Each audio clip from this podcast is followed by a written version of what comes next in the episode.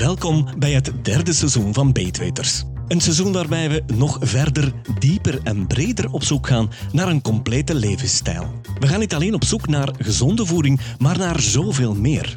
We willen alle lagen en alle facetten ontdekken. Met nog meer informatie, nog meer gasten en nog betere informatie. Welkom bij Beetweters. Dit is deel 2 van toch wel een bijzondere special, waar we het hebben uitgebreid deze keer over de darmen. En we hadden jou in de vorige aflevering tips beloofd. Heren, ik stel voor dat we aftrappen met een boel tips. Wel, uh, er was een tip dat mij te binnen schoot en niet direct over voeding gaat, maar we zijn de vorige aflevering begonnen met de neus. De neus en de mond en de keel. En eigenlijk heel veel mensen hebben neus- en keelinfecties of sinusitis hè, in hun hoofd. En eigenlijk een heel eenvoudige manier om dat te behandelen is gewoon uw neus spoelen met een potje, met een kannetje, met zoutwater. Gewoon keukenzout, een klein schepje erin. Die potjes zijn te koop in de handel voor 20 à 30 euro. En je doet daar gewoon de juiste hoeveelheid water in. Gewoon kraantjeswater en keukenzout en je spoelt je neus. De eerste keer dat je dat doet, pikt dat. en als dat pikt, betekent dat het nodig was dat je het doet. Hè? En ik doe dat niet standaard. Ik doe dat op momenten dat ik een neusverkoudheid heb. En dan pikt dat. Hè? Ik doe dat trouwens onder de douche. Hè? En dan um, doe ik dat iedere dag, één keer tot twee keer. Op momenten dat ik voel dat het niet meer pijn doet, is het ook niet meer nodig. En dan stop ik ermee.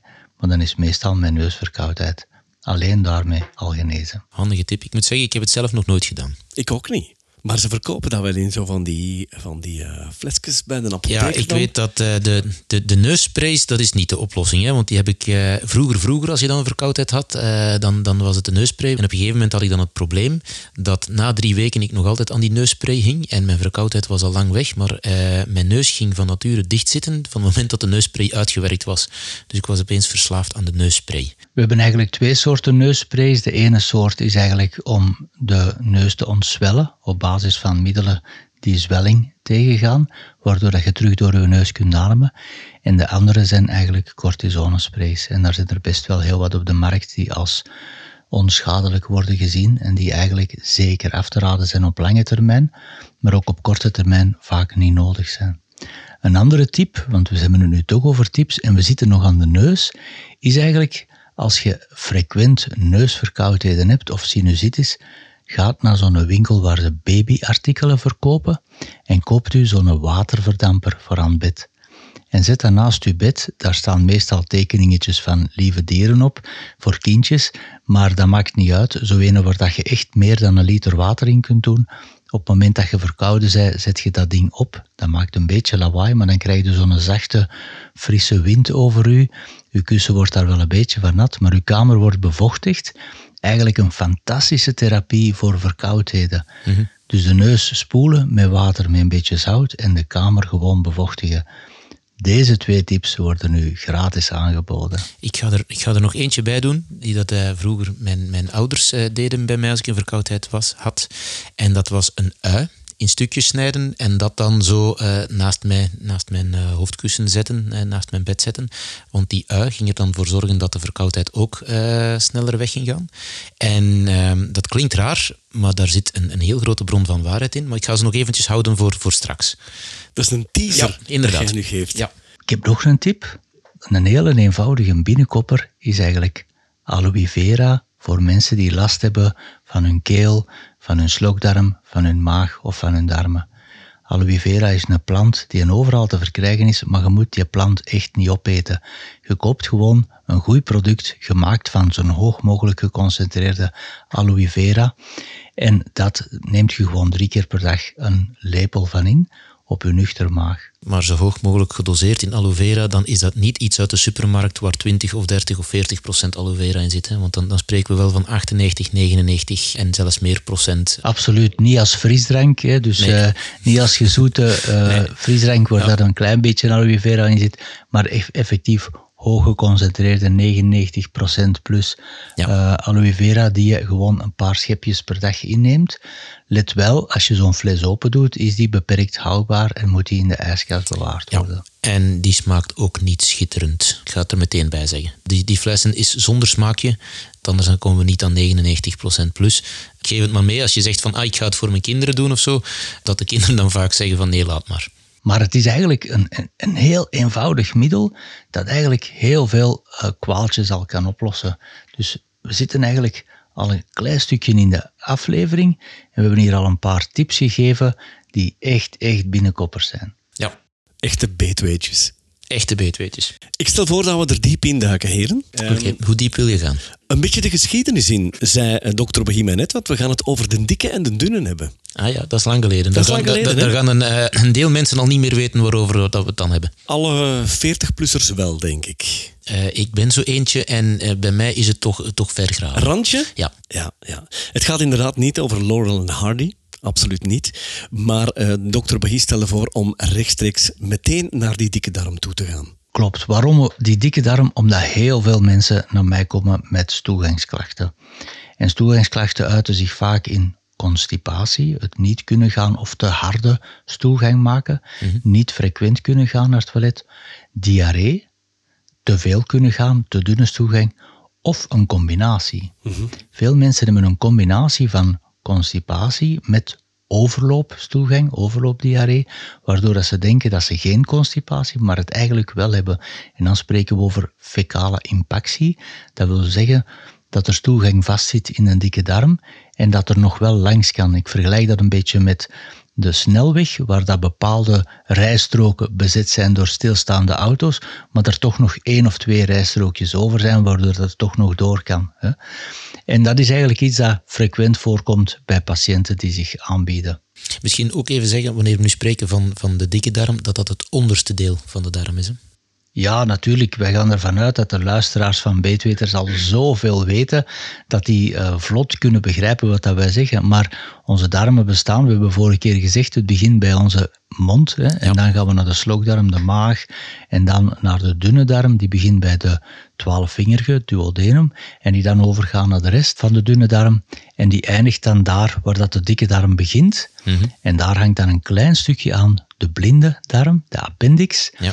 En dan de dikke darm, die gaat dan over stilaan in het laatste gedeelte, het sigmoïd, het rectum en dan de anus. Hè. Dus de dikke darm, daar gaan we het eigenlijk eerst over hebben. Is het zo'n beetje dat kadertje dat je soms ziet op een tekening, dat frame? Mag je dat een vierkant noemen? Dat is wel mooi als je dat zo zegt. Eh, bij de meeste mensen begint de dikke darm eigenlijk in de rechterkant, eh, onderaan in de buik, waar dat de appendix zit. Hè. En dat gaat naar boven, inderdaad, en dan over, het, dat noemen we ook het colon transversum, hè, over de rug eigenlijk, over in de diep, diepte van de buik, ehm, tot aan de andere kant. En dan gaat dat weer terug naar beneden. Hè. Ja. En als je dus toegang hebt vastzitten, dan heb je meestal links onderaan pijn. En als je dan voelt, als dokter voel ik dan in de buik, en dan voel ik zo de worstjes, de harde worstjes rollen onder mijn vingers, en dan weet ik al direct hoe laat dat is, als dat de patiënt ook zegt, dat is het dokter, dat doet pijn. Mhm. Nu, hoe komt dat nu, dat die eh, dikke naar een vol stoelgang zit? Luc, wat zou jij denken? ik, ik weet het niet.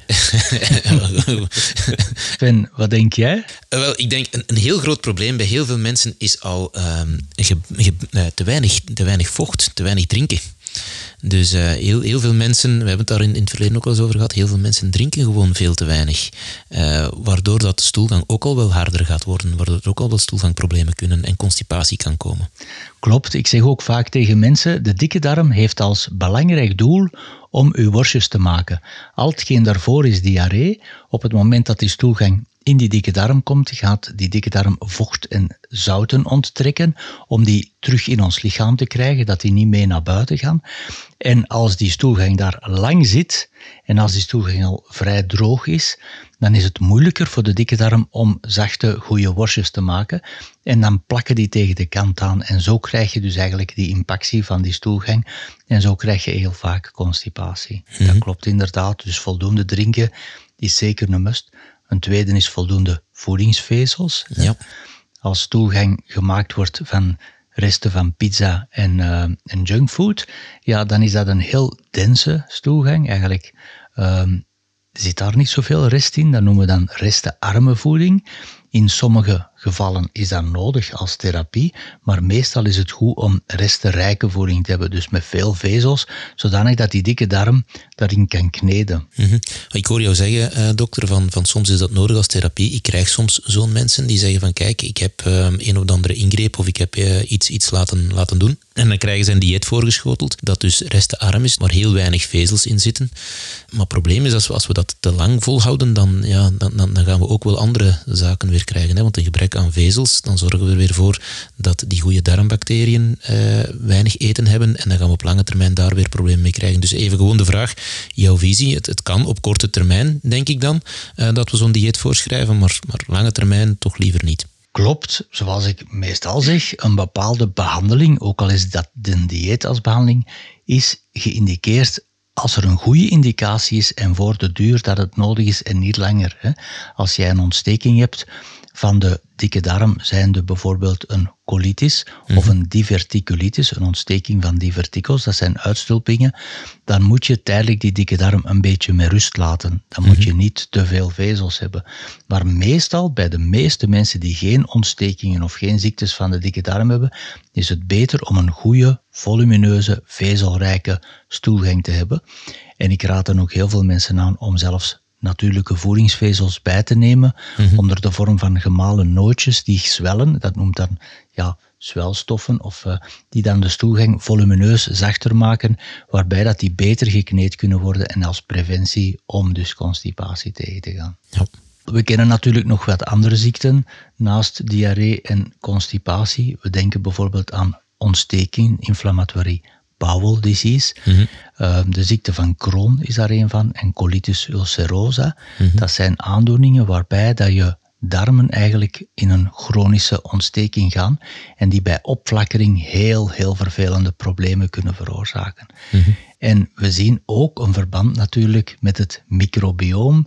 Een gezonde stoelgang betekent ook gezonde darmen betekent ook weer gezonde bacteriën.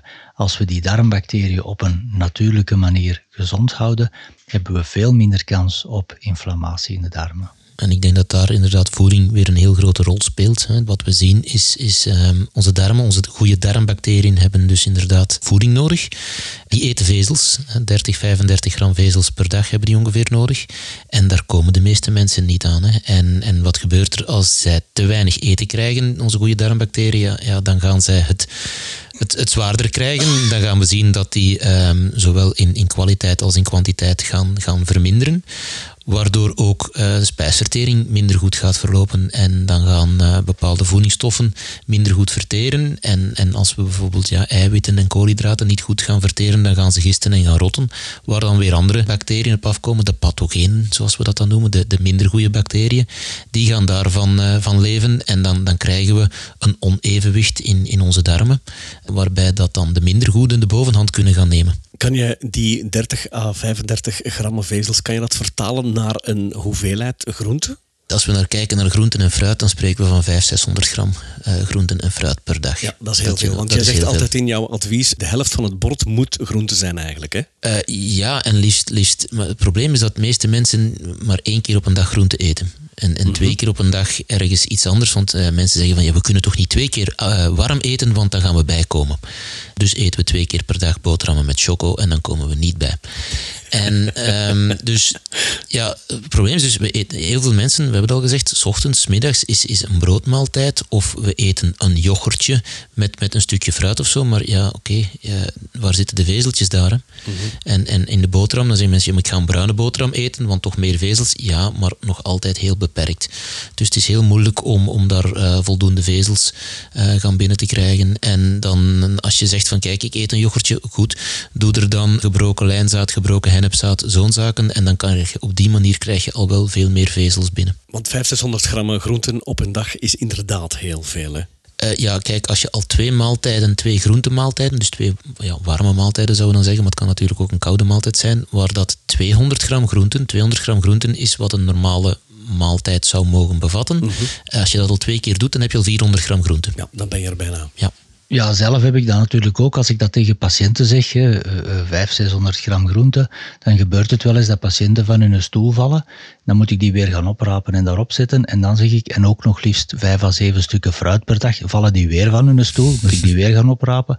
En dan zeg ik, ja, het is wel een aanbeveling. Het is niet zo dat je daar direct komt, maar begin gewoon met iets meer fruit vervang uw, uw chocoboterham al eens met wat fruit te eten, s morgens bijvoorbeeld. Ik uh, begin meestal een dag met fruit. Ik begin meestal met een peertje en een kiwi en een banaan. En dan zijn we eigenlijk al goed vertrokken. Dan heb je al veel suikers binnen.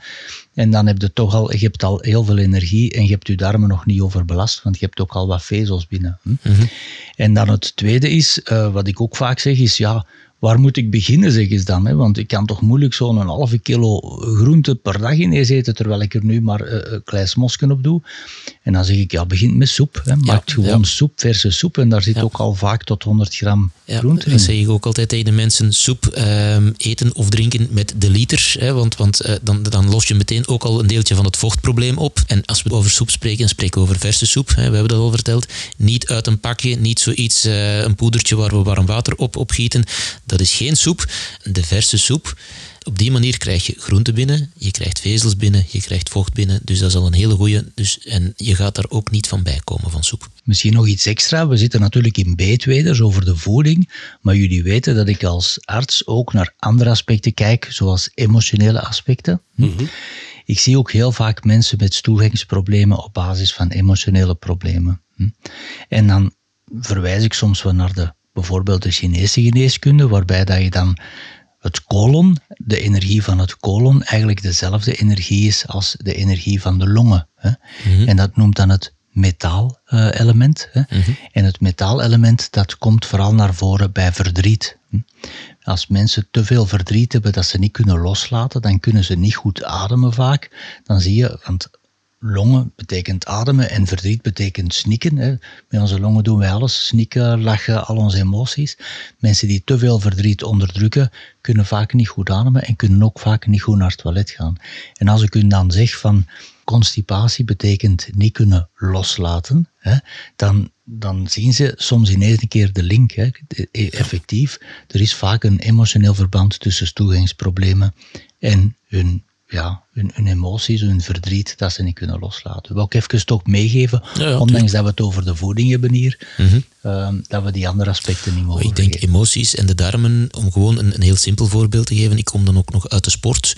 Bij elke sportwedstrijd, als het dan gaat over emoties, bij elke sportwedstrijd, het mag zo amateuristisch zijn als, als het wil, als je dan uh, bij de toiletten staat, daar staat altijd een heel lange rij van mensen die staan aan te schuiven, gewoon van een beetje stress, een beetje zenuwen, en dan moeten mensen meteen naar het toilet gaan. En vaak meer dan één keer. En ik was vroeger zelf zo, ik heb ook nog wedstrijden gedaan.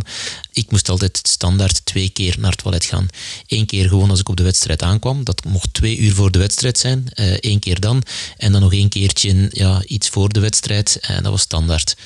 Ook al was dat een wedstrijd zonder belang, om het dan zo te zeggen, van ik kom hier gewoon voor mijn plezier meedoen, uh, toch. En ik, ik merk dan wel dat ik niet de enige ben, want er staat altijd een lange rij. En uh, het was ook altijd maar best dat je zelf een rolletje wc-papier of toiletpapier meenam, want uh, gewoonlijk was dat wel op. We zien dat ook in de praktijk heel vaak. Mensen die hetgeen dat we noemen spastisch colon hebben, hè, um, dat is eigenlijk een colon, dus de dikke darm, die eigenlijk fel reageert op emoties. Hè. Sommige mensen hebben ook een reactie dat als ze beginnen te eten, dat ze dan in één keer naar de grote toilet moeten. Hè. Mhm. Dat noem ik dan de gastrocolische reflex. Hè. Dus je, je maag begint te werken en je colon schiet ook wakker en die zegt, ah, het is aan mij. Hè. En dat zie je dan, dat zijn dan de mensen die als iedereen aan tafel gaat, in één keer naar het toilet moeten. Hè. Maar inderdaad, stress is ook een heel belangrijke factor. En de beste manier is om die stress te reduceren. En zelf raad ik dan de mensen aan, zorg dat je goed geaard bent, ga genoeg sporten, ga genoeg naar buiten en zorg dat je goed kunt ademen. Doe eventueel ademhalingsoefeningen of meditatie, waarbij dat je in plaats van de stress op je kolon te zetten, door die ademhaling die stress kunt loslaten. Dat is een uh, hele belangrijke tip, denk ik. Ik vind het ook bijzonder leuk dat je daar een beetje Oosterse wijsheid tussen gooit. Want begrijpen die mensen die bij jou komen dan, als je zegt van loslaten, leggen ze de link dan meteen naar dat wat je bedoelt, hè, constipatie loslaten? Op het eerste zicht had ik zelf de reactie van, ja, dat ligt een beetje ver uit elkaar.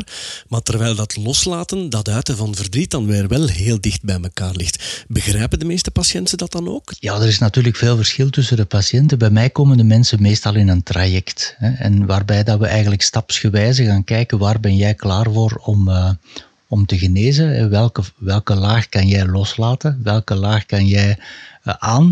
En uh, sommige mensen blijven wel wat hangen op dat biochemisch niveau en willen eigenlijk alleen een ortomoleculair advies, willen meer voedingssupplementen of andere, of willen een voedingsadvies, wat op zich heel belangrijk is. Maar ik probeer toch vaak door te schakelen naar, laten we ook eens kijken naar dat emotionele, naar dat energetische gedeelte.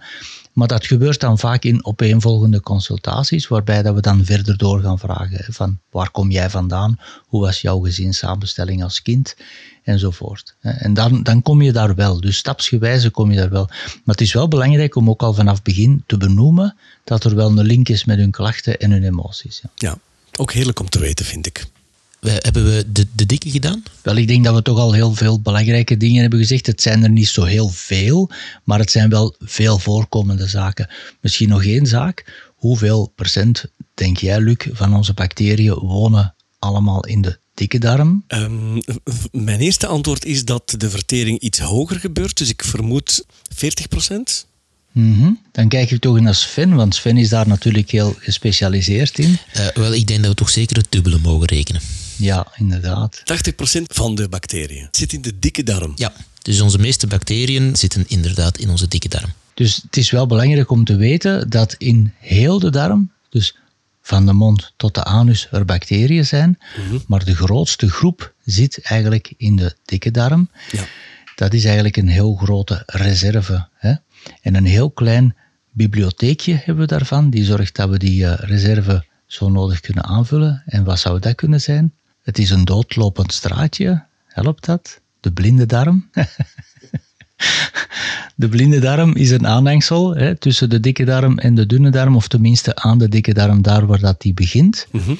En is eigenlijk een soort reserveplekje waar we eigenlijk toch heel wat bacteriën hebben. Hm? Mensen denken dat dat een zinloos aanhangsel is, hè, maar heeft wel degelijk enig nut. Maar als die ontsteekt en die bacteriën die gaan daar woekeren en die dikke darm geraakt ontstoken en geraakt afgekneld, ja, dan hebben we niet zoveel keuze, dan moet die er weer uit. En dan doen we een appendixoperatie of een appendectomie. En is daar een, een, een specifieke oorzaak voor dat die kan ontsteken? Is dat, is dat dan ook gerelateerd aan emoties, voeding, stress, andere zaken? Of is dat gewoon eerder van, ja, nee, we weten het nog niet? Wel, op dit moment zou ik het niet kunnen zeggen, Sven. We weten dat dat vooral voorkomt bij jongere mensen, minder mm -hmm. bij oudere mensen. Maar waarom dat dat juist is, dat die gaan ontsteken, dat uh, kan okay. ik geen antwoord op. Ja.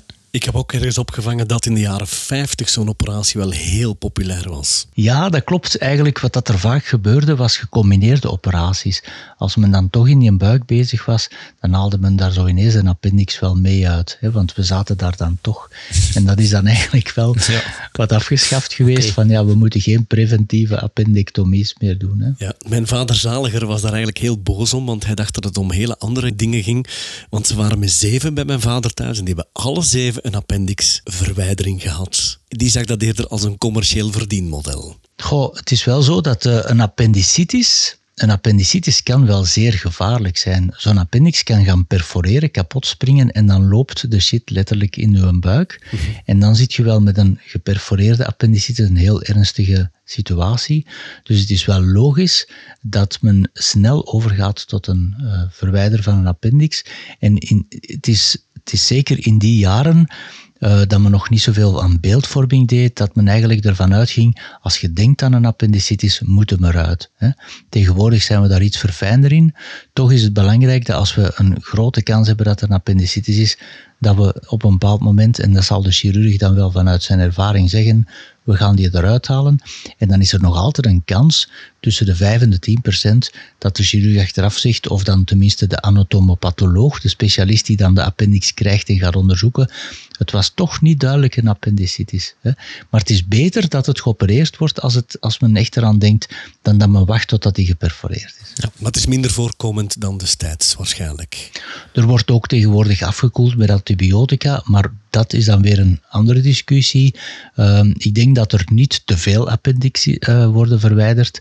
Uh, ik denk dat men tegenwoordig zeer gebalanceerd beslist. En ook kort op de bal spelen. Dat is inderdaad ook heel belangrijk. Dus voldoen, snel genoeg naar de dokter gaan als je denkt dat uw appendix ontstoken is.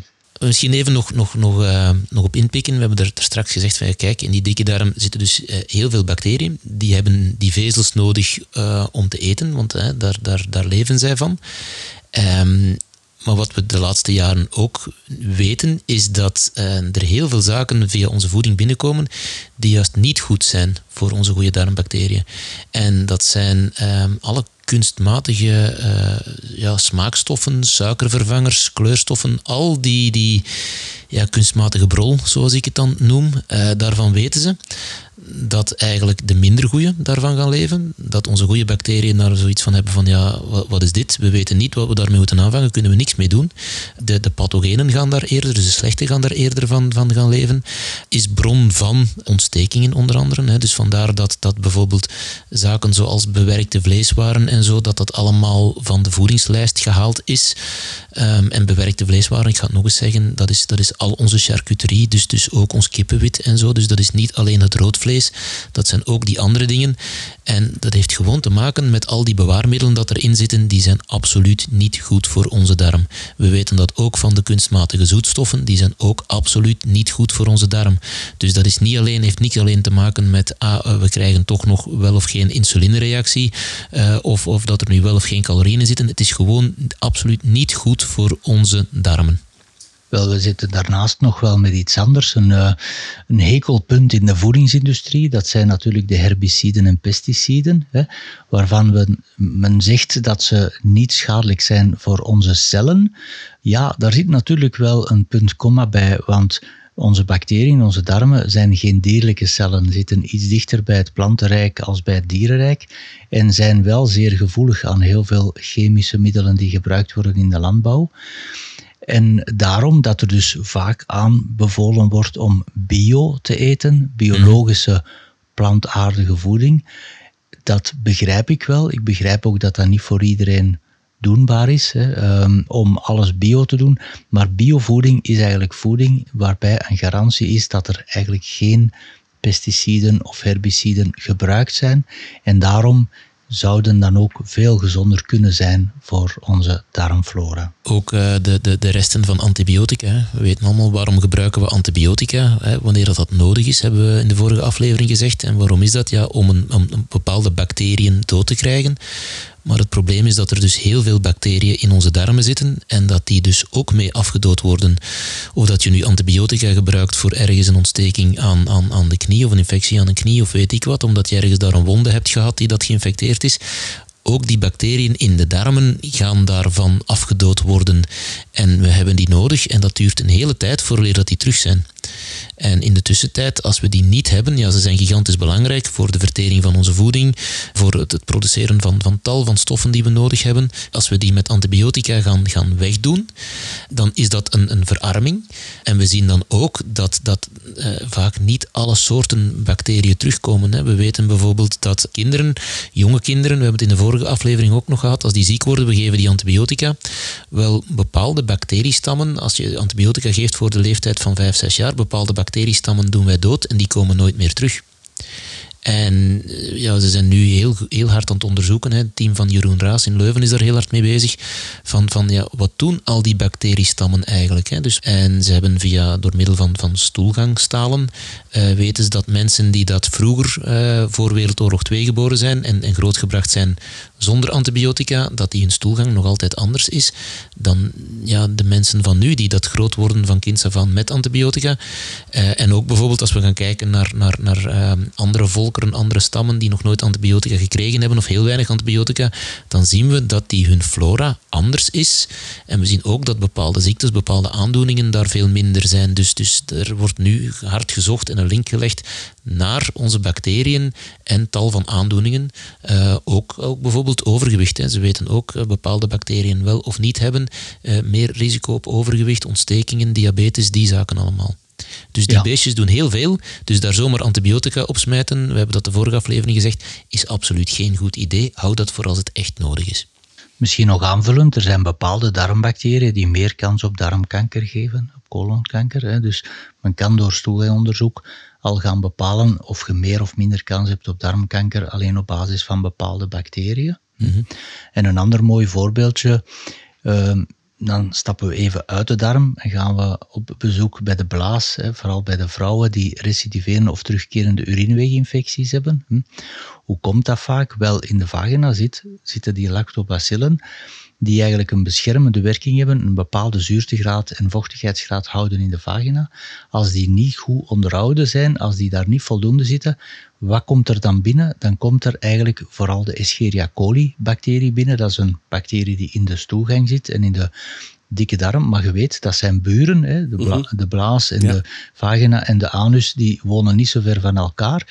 En wat zie je dan vaak? Dat vrouwen recidiveren of terugkerende urineweginfecties krijgen met Escherichia coli. Die gaan daar dan antibiotica voor krijgen, waardoor hun darmflora nog meer verstoord wordt. En na een tijd krijgen die bacteriën die resistent zijn aan antibiotica. En daarom dat ik vaak uh, terugkerende urineweginfecties bij vrouwen behandel met ortomoleculaire uh, voedingssupplementen. Hm? En die als doel hebben om de darmflora en de flora in de vagina en de zuurtegraad terug goed te krijgen, eerder dan alles dood te doen. Want eigenlijk is dat een straatje zonder eind en een vicieuze cirkel. Oké, we zijn even de darm uitgegaan, we gaan terug naar boven en dan komen we eigenlijk aan de dunne darm. Sven, wat hebben we allemaal in de dunne darm te vertellen? Wel, het belangrijkste dat ik in de dunne darm te vertellen heb, en dat heb ik al een keertje verteld, is wanneer het daar misgaat dan, dan kan je dus uh, heel veel klachten hebben, zoals opgeblazen gevoel en die oprispingen en, en verteringsproblemen. En dat is wanneer dat er de bacteriën van de dikke darm, waar dat dus de meeste bacteriën zitten, wanneer die gaan verhuizen naar de dunne darm. En wanneer ze dat doen, ja, dan spreken we van een, een, een bacteriële overgroei van die dunne darm. Uh, en dat heet dan in het Engels, heet dat, en de Engelse afkorting daarvoor is SIBO. En dat is dus die bacteriële overgroei van de dunne darm. En de oorzaken van SIBO, zo'n small intestinal bowel overgrowth, zoals het dan heet, ja. Zijn onder andere dysbiose. Dysbiose, een onevenwicht van de darmflora. Een andere oorzaak is een tekort aan maagzuur, waar we in de vorige aflevering al hebben gehad. Tekort aan enzymen, waar we ook over hebben gehad, onder andere enzymen vanuit de pancreas. Tekort aan galzouten, die dan weer mhm. vanuit de lever en de gal komen. Gebruik van overmatig veel antibiotica. En nog een laatste is dan bestraling. Mensen die bestraling hebben gehad, die kunnen ook daar een verstoring krijgen van hun darmflora met een overgroei in de dunne darm als gevolg. Eigenlijk zijn dat, als we, als we in grote lijnen kijken, zijn dat allemaal zaken die ervoor gaan zorgen dat, dus, dus gebrek aan enzymen en, en, en die zaken allemaal, ehm, dat, dat de, de, de, spijsvertering niet goed verloopt. Hè. En wat zien we wanneer de spijsvertering niet goed verloopt? Hè? Wanneer bijvoorbeeld, als je maagzuurremmers gaat nemen, dan hebben we in de vorige aflevering gezegd van ja, je gaat de zuurtegraad van je maag helemaal veranderen. En de bijwerking daarvan is dat, dat uh, jouw voeding al minder goed verteerd wordt. En als die minder goed verteerd wordt, dan komt die eigenlijk al slecht verteerd in de darm terecht, waardoor dat dan daar ook eens een keertje de spijsverteringsenzymen uh, minder goed kunnen werken, dus daar ook minder goede vertering is. En wat krijg je dan? Uh, dat heel veel zaken gaan, gaan gisten en gaan rotten. En dan krijg je dus een overgroei van dus die pathogenen, die slechte bacteriën, die dat op hun beurt dan weer gaan zorgen dat dat ja, zuurtegraad weer een keertje verandert. En, en dan kan het dus zijn dat die bacteriën van de dikke darm, waar een andere zuurtegraad heerst dan in de, in de dunne darm. Wanneer dat die zuurtegraad dus in de dunne darm verandert door onder andere hè, dus, dus, dus maagzuurremmers, um, stress, maar ook door dus, um, die, die, die rottingsflora, omdat de spijsvertering uh, in het honderd loopt, dan gaan die bacteriën van de dikke darm, wat, wat eigenlijk trouwens dan goede bacteriën zijn, die zeggen dan van, ah, nu kunnen wij ook in de dunne darm gaan zitten. Daar is meer plaats, minder concurrentie, meer eten. En dan schuiven ze op naar boven en dan gaan ze daar zitten. Met alle gevolgen van. En dan komen we aan dysbiose, verstoring van de darmflora in het algemeen. En uh, kan je ons daar wat meer over vertellen, Sven? Dysbiose is dus een mooi woord van ja, het, het evenwicht is verstoord. Hè? Dus eigenlijk zijn de, de slechterikken aan de winnende hand. En hoe komt dat? Ja, omdat die spijsvertering om, om door al die redenen in het honderd loopt. En dan, dan, dan gaan zij groter en sterker worden. En dan gaan zij hun eigen strategie bepalen en bepaalde stoffen gaan produceren, waardoor dat die goede bacteriën het nog moeilijker krijgen, die spijsvertering nog meer in het honderd loopt en zij groter en sterker gaan worden. En als de slechte winnen, ja, dan krijgen we tal van problemen. Hè. Onevenwicht in de voeding is een heel belangrijke. Ja, ja, dus uh, het, het, gebrek aan vezels is daar een, een hele grote van. Dus uh, bij een gebrek aan vezels, dus die vezels die zorgen ervoor, onze goede bacteriën gaan daar een stof van maken die dat buturaat genaamd is, boterzuur. En dat boterzuur zorgt voor, voor een, heel goed uh, en gezond slijmvlies, waar dat al onze goede bacteriën op kunnen, kunnen zitten en leven. En, en dat is een goede barrière om alle slechteriken tegen te houden. En bij een gebrek aan die stof ja, gaat dus eigenlijk de kwaliteit van heel die darm achteruit gaan. Waardoor dat dat bacteriën meer schade kunnen aanrichten, waardoor dat ze sneller ook door de darm kunnen, kunnen gaan. En dan, dan spreken we van um, de, de, de lekkende darm. Wacht, en wacht, dus, uh... ja, dus uh, ik, zie, ik zie de dokter al kijken hier, dus de lekkende darm, zodat dat genoemd dan wordt. Maar ik denk dat, dat u misschien uh, een, ander, een andere term daarvoor gebruikt. Ja, ik wou nog eventjes terug blijven bij die dysbiose voordat we die sprong maken. Ja. Want dysbiose, Sven, dan denk ik ook natuurlijk vaak aan, aan, aan het onevenwicht in de voeding. Hè, maar Ja. ook bijvoorbeeld de witte suikers en de zoetstoffen. ja, ja, ja, ja. Dus, uh, dus, dus inderdaad, dus eigenlijk ja, al, al hetgeen waar dat, dat geen vezels, geen vitamine, geen mineralen aan zitten, ook gebrek aan, van, aan, aan, aan omega-3 vetzuren, hè, daar hebben we het ook al heel vaak over gehad, over die omega-3, is ook een heel belangrijke voor, voor, die, voor die, uh, die darmflora en zo. Uh, in het algemeen is dus de ongezonde, verarmde voeding, die dat heel veel mensen eten en drinken, een oorzaak voor die dysbiose. Ook gezegd van, ja kijk, de kunstmatige zoetstoffen, de kunstmatige smaakvervangers of uh, smaakversterkers, al die zaken gaan ervoor zorgen dat die minder goede bacteriën sterker worden, meer eten hebben, groter worden en eigenlijk de dienst gaan uitmaken. Wel, ik zeg vaak tegen mijn patiënten dat we verschillende groepen soorten bacteriën hebben. En dan zeg ik, in plaats van moeilijke namen te gebruiken, spreek ik over de McDonald's-bacterie en de broccoli-bacterie. En dan zeg ik, kijk, als jij natuurlijk heel veel McDonald's eet, ja, ik mag niet te veel termen en uh, merken natuurlijk, maar ik bedoel, als je veel fastfood uh, eet, dan krijg je, krijg je heel veel uh, fastfood-bacteriën. En die geven dan weer signalen door naar onze hersenen van nog, nog. En dan krijgen we zin om nog meer fastfood te eten. En dan heb je natuurlijk niet zoveel zin om broccoli te gaan eten. Terwijl als je natuurlijke plantaardige voeding eet, dan gaan die bacteriën weer overheersen, of tenminste in gezondere hoeveelheid aanwezig zijn. En dan gaat ook weer meer zin erin krijgen. Ja? Het is ook zo trouwens, hè, want, want het is waar wat er gezegd wordt, dat uh, onze bacteriën in onze darmen signalen kunnen sturen naar onze hersenen. Dus en, en je hebt dus uh, al naar gelang de voeding dat je eet, je krijgt meer van de bacteriën die dat soort voeding lekker vindt. En als jij dan zegt van oké, goed, ik ga nu uh, mijn goede voornemens en ik ga dus de fastfood uh, weglaten en ik ga meer broccoli eten, dan zeggen die bacteriën in jouw darmen die dat van de fastfood eten, die zeggen van ja, maar kijk, dit, dit vinden wij niet leuk, waar is ons eten? En die sturen dus signalen naar jouw hersenen, waardoor jij zin krijgt in dat eten. Nu, het goede nieuws is dat als je dan de broccoli toch gaat eten, dat na een, een paar weken je meer van die bacteriën krijgt die van de broccoli leven, waardoor dat je dan van nature dus, dus broccoli lekkerder gaat vinden en dat die bacteriën nadien, dus als, als die de overhand nemen, signalen gaan sturen van wij willen broccoli. Dus het is eventjes doorbijten totdat uh, er een ander evenwicht is in bacteriën en zij sturen inderdaad signalen naar je hersenen. Het is dus een kwestie van de darmen te herprogrammeren. Uh, ja, het duurt, het duurt wel even. Dus het is niet zo dat dat op, op twee, drie dagen gedaan is. Dat duurt eerder twee, drie weken of zelfs nog iets langer. Maar zij sturen dus inderdaad signalen naar de hersenen. Er is een, uh, een, voorbeeld dat toch wel in de praktijk soms voorkomt en dat zijn mensen met spectrumstoornissen, spreken over autisme. Die mensen hebben eigenlijk een uitgesproken voorkeur voor voeding En ze hebben heel veel moeite met verandering.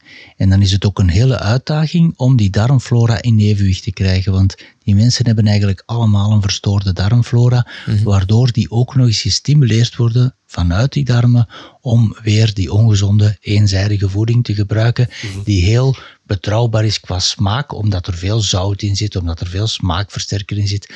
Heel moeilijk om dan die mensen te motiveren en te zeggen, ja, maar het is toch belangrijk om die overgang te maken. Dus dat is een beetje een vicieuze cirkel dat je vooral in die groep tegenkomt.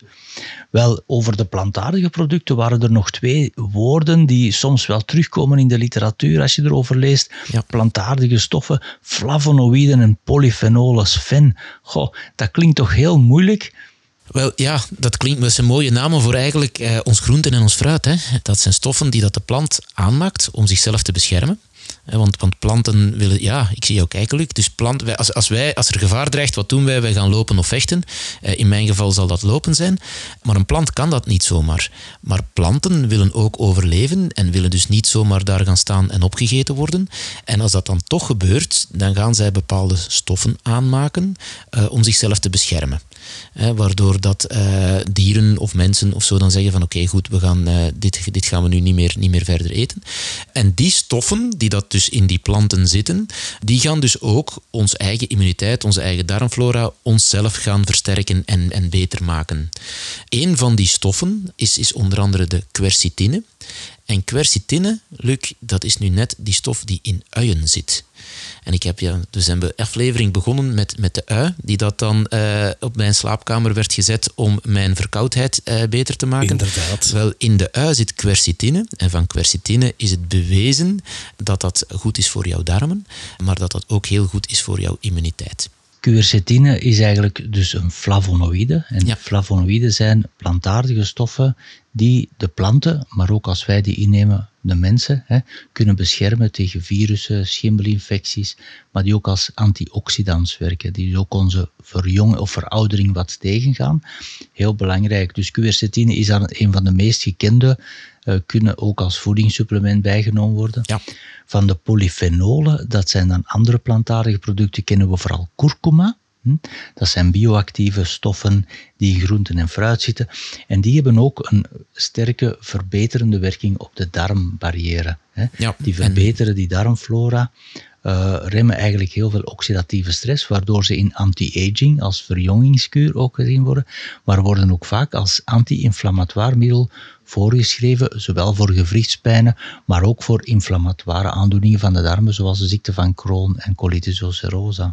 En als we het dan toch over die inflammatoire darmziekte hebben, wat ik dan altijd nog meegeef als voedingadvies is van kijk, probeer eens een keer van tarwe weg te laten. Hè, want ik heb dat hier al, denk ik, bijna duizend keer gezegd nu. Uh, Luc, van tarwe, daar zat dan die ene stof in, de amylase trypsine inhibitor. Wat ook dus een, een, een, stof is die dat de plant gaat aanmaken om zichzelf te, te gaan te beschermen en zo. Maar waarvan het ondertussen bewezen is dat het heel moeilijk te verteren is en dat het eigenlijk ontstekingen aan de darm veroorzaakt. En ik merk in de praktijk dat als mensen met, met, met die aandoeningen, hè, waarvan vaak gezegd wordt van ja kijk, er is niks aan te doen en we gaan gewoon medicatie geven, we gaan ontstekingsremmers geven en we gaan van alles geven. Wanneer zij gewoon uh, tarwe weglaten, dat zij binnen twee, drie weken hun stoelgang zien verbeteren en veranderen en hun klachten ook zien verbeteren en veranderen. Gewoon door, door tarwe weg te laten. Ja, ik denk dat dat een goede tip is. Ik zie ook veel kinderen, jongeren, die komen met hun ouders met darmklachten. En buiten dan de emotionele aspecten die bij kinderen ook wel vaak krampen geven, ehm, vraag ik dan ook, heb je al eens geprobeerd om brood weg te laten? En de ouders ja, de ouders willen dat wel, maar die zeggen, als ik brood weglaat, dan gaat hij dood. Daar schiet er niks meer over. Ja, wat moet hij dan eten? Hè? Als hij geen brood eet, wat moet hij dan eten? En dan zeg ik, ja, eh, een stukje fruit hè, of zo. En dan gaan ze, ja, maar misschien kan hem dan in plaats van brood cake of koekjes. Ja. Uh, maar ook geen oplossing. Daar zitten natuurlijk die, uh, diezelfde stoffen in. Ja. En dan zeg ik, ja, probeer al eens een tijdje iets anders aan te bieden dat op zich niet ongezond is, mm -hmm. om te zien of je iets zou kunnen bieden buiten brood. Mm -hmm. En dan te kijken of ze dan die klachten verminderen. En heel vaak zie je dan inderdaad wel de klachten verminderen, omdat mensen brood aanzien als zijnde een standaard voeding. En dan vraag ik aan hun, noem mij één diersoort die brood eet. Brood is eigenlijk gemaakt van graan en graan is eigenlijk dierenvoeding. We zijn graan gaan maken omdat we veel dieren hadden en dan zijn we dat graan gaan verwerken in mensenvoeding, door dat te bakken, door dat te malen enzovoort. Maar onze darmen zijn niet geëvolueerd. Hè. Onze darmen en onze darmflora lijkt nog altijd heel hard op die van chimpansees en andere dieren. Hè. Ehm, dus onze darmen zijn niet geëvolueerd, onze hersenen wel. Maar je kunt niet zeggen van ja, omdat we nu al een paar honderdduizend jaar leven, zullen we nu wel andere darmen hebben. Nee, we hebben geen pizzadarmen. Nee, we hebben geen eh, Burger King darmen. We hebben gewoon dezelfde darmen nog, dezelfde darmflora. En als wij die niet verzorgen, ja, dan krijgen we daar problemen mee. Ja, dus inderdaad. Dus, dus dat is mijn grote advies al. Dat, eh, dat samen met alle kunstmatige toevoegingen weglaten. Dus eh, geen charcuterie, geen bewerkte vleeswaren, dus ook geen, geen, geen worsten en zo bij de maaltijd. Veel meer groenten, veel meer fruit en veel meer vis omwille van omega-3, omdat dat een ontstekingsremmer is. En daar halen we al vrij goede resultaten mee. Een goede oplossing zou kunnen zijn een keto-kuur bijvoorbeeld, waar alle koolhydraten weggelaten worden. Ja, maar daar moet je soms mee oppassen, omdat eh, dat nogal een, een vrij intensieve is. En dat kan bij mensen met, met spijsverteringsproblemen kunnen eh, strenge diëten of, of eenzijdige zaken soms ook nog problemen geven. En ik denk dan bijvoorbeeld ook aan eh, mensen die een candida hebben. Hè, dus dus de overgroei van, van de, de gisten en de schimmels in de darmen. Daarvan is altijd gezegd van ah, die leven van, van, van suiker, van koolhydraten. Dus wat gaan we doen? We gaan dat allemaal weglaten. En toen dat dan het keto-dieet kwam, was dan dat de oplossing. Oké, goed, we gaan een keto-dieet doen. We eten niks meer met suiker. Nu weten we dat die, ehm, die gisten en zo dat die kunnen gaan muteren. En dat die zeggen van, ah, wij krijgen geen suiker meer. Goed, dan muteren wij en dan gaan we van eiwit leven. En ja, we kunnen niet zonder eiwit, hè, want eh, ja, dat hebben we wel helemaal nodig. En ons lichaam bestaat ook voor het grootste deel uit eiwit. Dus ehm, dat, dat lukt zomaar niet. Dus, dus de, de theorie van, van dat. Dus soms kan je het met zo'n zaken zelfs nog een beetje erger maken als je echt veel spijsverteringsproblemen hebt. Het is duidelijk dat dat eigenlijk heel complexe materie is en dat het uh, zelfs voor ons als therapeuten niet gemakkelijk is om zomaar eventjes een therapie voor te stellen die Nee. zo'n verstoorde darmflora, een candidase en andere problemen in één keer oplost. Heel vaak gaan we stapsgewijs te werk en gaan we zoeken naar wat werkt er voor jou, hoe krijgen we jouw klachten weg, maar hoe krijgen we op lange termijn jouw omega-3 tekorten aangevuld, jouw suiker naar beneden, uh, jouw darmflora gezond.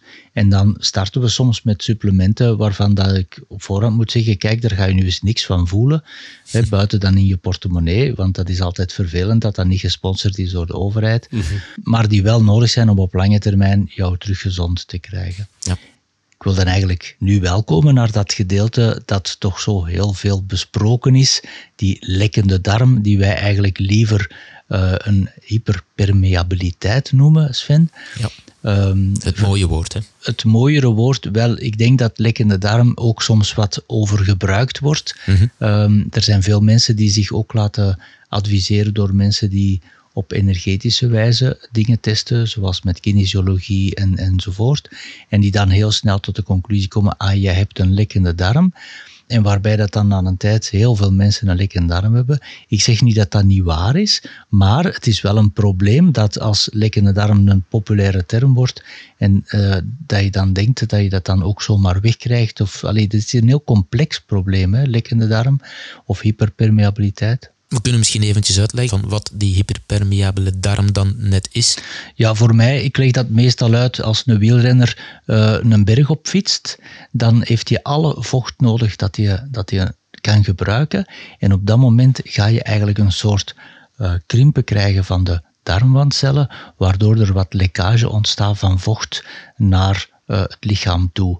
En op dat moment is dat een fysiologisch principe dat je gewoon alle vocht dat je nodig hebt uit de darmen haalt en dat je wat lekkage krijgt. En als die tocht gedaan is, dan is dat weer gedaan. Dus dan is dat eigenlijk geen ziekte, dan is dat geen aandoening. Dan is dat een gewone, natuurlijke, fysiologische situatie. Het is alleen een probleem als die situatie zich chronisch voordoet, als er te veel en du- langdurig lekkage is van vocht en onverteerde voedingsstoffen naar de omgeving van de darm. Ik ga even aan toevoegen, het is niet alleen die wielrenner die dat aan die berg oprijdt en, en heel veel vocht nodig heeft, maar we weten eigenlijk bij sporters, wanneer dat zij ehm, hoger gaan in hartslag, dan krijgen ze altijd op die moment een lekkende darm. Die dat dan wel stopt nadat die sportinspanning gestopt is.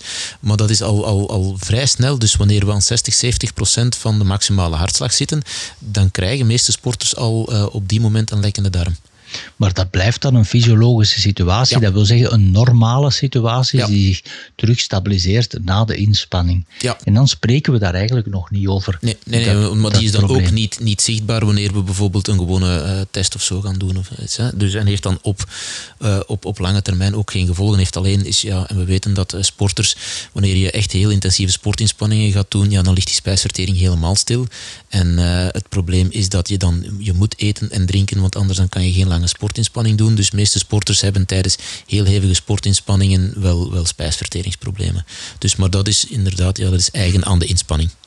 Wel, als die situatie zich blijft voordoen en er eigenlijk te veel grotere onverteerde moleculen door de darmwand kunnen geraken, wat krijg je dan? Dan krijg je een overbelasting van je immuunsysteem. Ja. Onder de darmwand zit eigenlijk een immuun, een heel belangrijk deel van het immuunsysteem.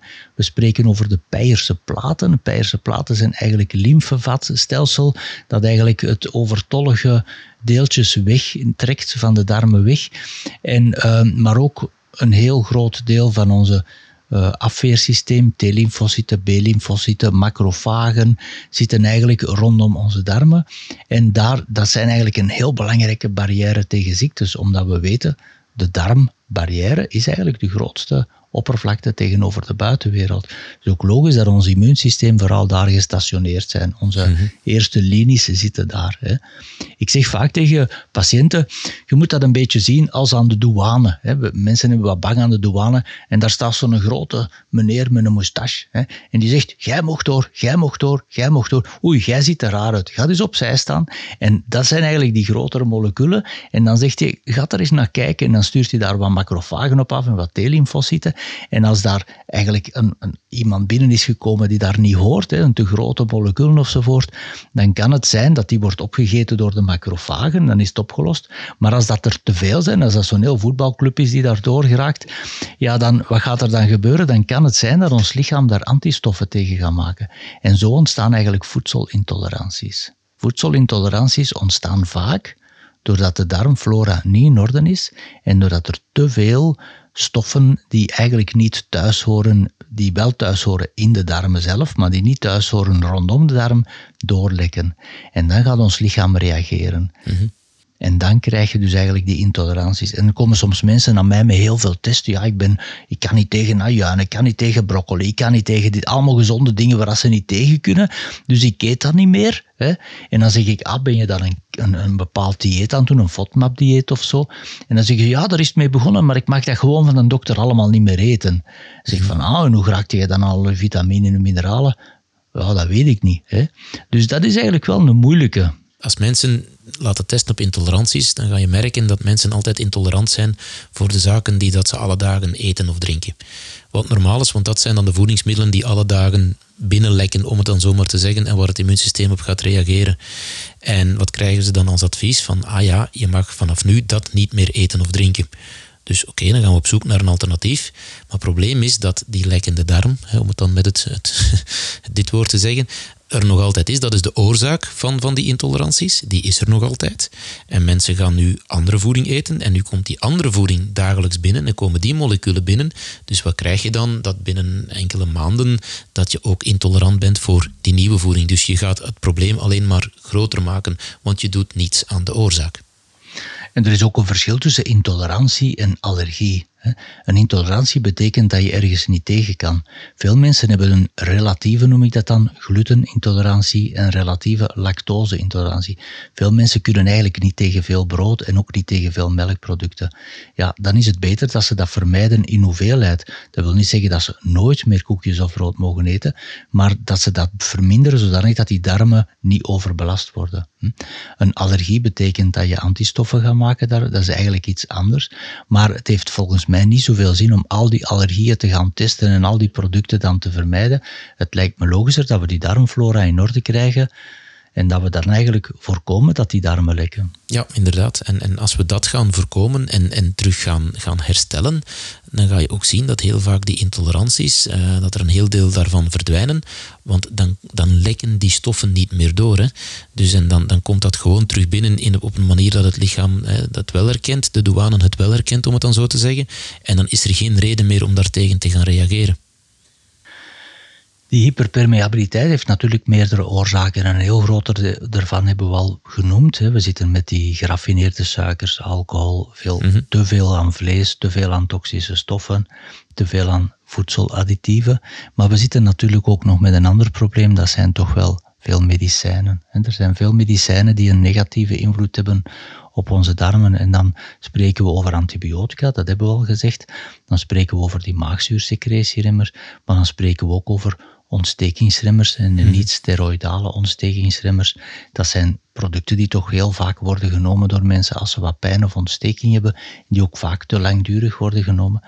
Maar natuurlijk ook chemotherapie hè, is ook een belangrijke factor en ook weer op bestraling. Dus dat zijn toch wel medische behandelingen die, als ze nodig zijn, moeten gegeven worden, maar niet te langdurig en zeker niet in het gewone kast, nachtkastje om uh, in te nemen. Want die hebben allemaal een storende werking op die darmflora en die kunnen ook allemaal die hyperpermeabele darm veroorzaken. Even aan toevoegen dat ook gluten en, en te veel aan gluten, en, en, gluten zijn dan de eiwitten uit, uit granen, hè, dus de, de, tarwe nog eens een keertje, uh, maar ook spelt en rogge uh, bijvoorbeeld. Um, die kunnen zonuline verhogen en een te hoge concentratie zonuline gaat ook voor een hyperpermeabele darm zorgen.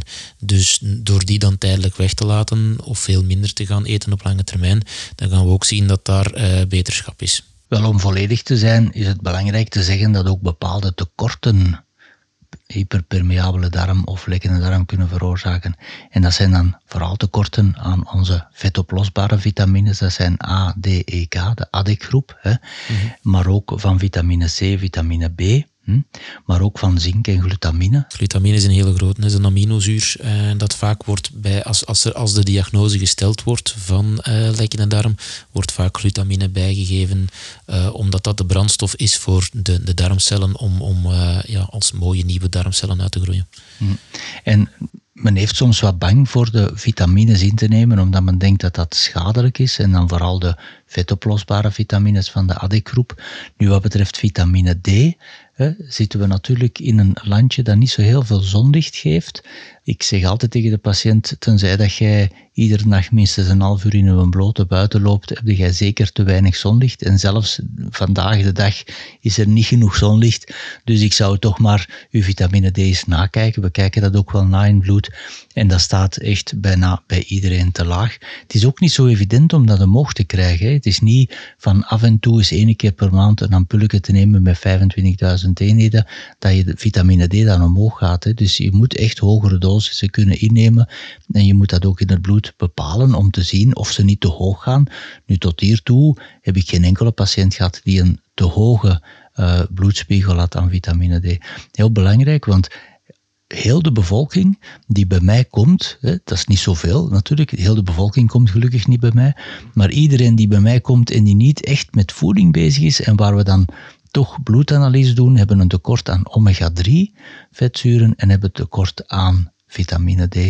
En dat is eigenlijk het eerste dat ik dan meestal ga toevoegen. Ga zeggen van kijk, begin daarmee. Het gaat uw klachten absoluut niet veranderen. Maar ze zijn heel belangrijk om gezond te zijn, gezond te leven.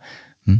En dan tenzij je twee keer per week vis eet en uh, tenzij je ook nog een filet hebt aan de Côte of zo, waar dat je regelmatig in je zwembroek rondloopt, zal je toch wel vaak een tekort hebben aan die uh, zaken. En zoals altijd, Sven, in evenwichtige voeding helpt hier ook al een groot stuk. Dus ik probeer mensen ook altijd te vertellen als mensen komen met, kijk, ik heb die en die en die toleranties die zijn vast, uh, intoleranties die zijn vastgesteld. In plaats van te zeggen van oké, we gaan dit uh, vermijden en dat is dan de oplossing, dan zeg ik van oké, goed, als je hier hard op reageert, dan gaan we die tijdelijk vermijden, want ja, je kan daar klachten van hebben. Maar we moeten op lange termijn een oplossing zoeken. Want als we gewoon zeggen van het grote voorbeeld van ah, ik kan niet meer tegen melk, dus we gaan dat nu vervangen door soja. Dus ja, wat zie je dan? Dat je na een aantal maanden niet tegen soja kan je gaat het probleem dus alleen maar verleggen of groter maken. Dan zeggen we, kijk, nee, we gaan, we gaan proberen om naar die oorzaken van die hyperpermeabele darm te zoeken. We gaan daarop werken en als we dat opgelost hebben, dan ga je zien dat je normaal gezien terug veel meer zaken kan eten, mag eten en dat de meeste klachten gaan verdwijnen. En dat doen we dan door ja, voeding aan te passen en eventueel hier en daar een supplement bij in te zetten. Misschien wil ik nog even toevoegen dat sommige mensen verwachten dat als ze naar de dokter komen en ze darmklachten hebben, dat we dan alles gaan onderzoeken. En dan zeggen de mensen, ja, moeten we dan een darmonderzoek doen? Moeten we dan stoelgang binnen doen? Dat kan. Dat zijn onderzoeken die soms gebeuren, maar in heel veel gevallen doe ik dat eigenlijk niet, Sven. Omdat ik denk dat vanuit het verhaal, mensen weten zelf ook al welke klachten ze hebben. We kunnen in bloed zien welke tekorten dat ze hebben. Vanuit dat verhaal hebben we meestal al veel informatie. En je kan vanuit een stoelgangonderzoek heel veel vinden, maar niet de diagnose. Je kan eigenlijk niet alleen al aan de darmbacteriën zeggen het is 100% zeker een SIBO, het is 100% zeker een hyperpermeabele darm. Je kan wel de, de probabiliteit daarmee gaan bepalen, maar weet dat zo'n stoelgangonderzoek kost al gauw tegen de 200 euro niet terugbetaald.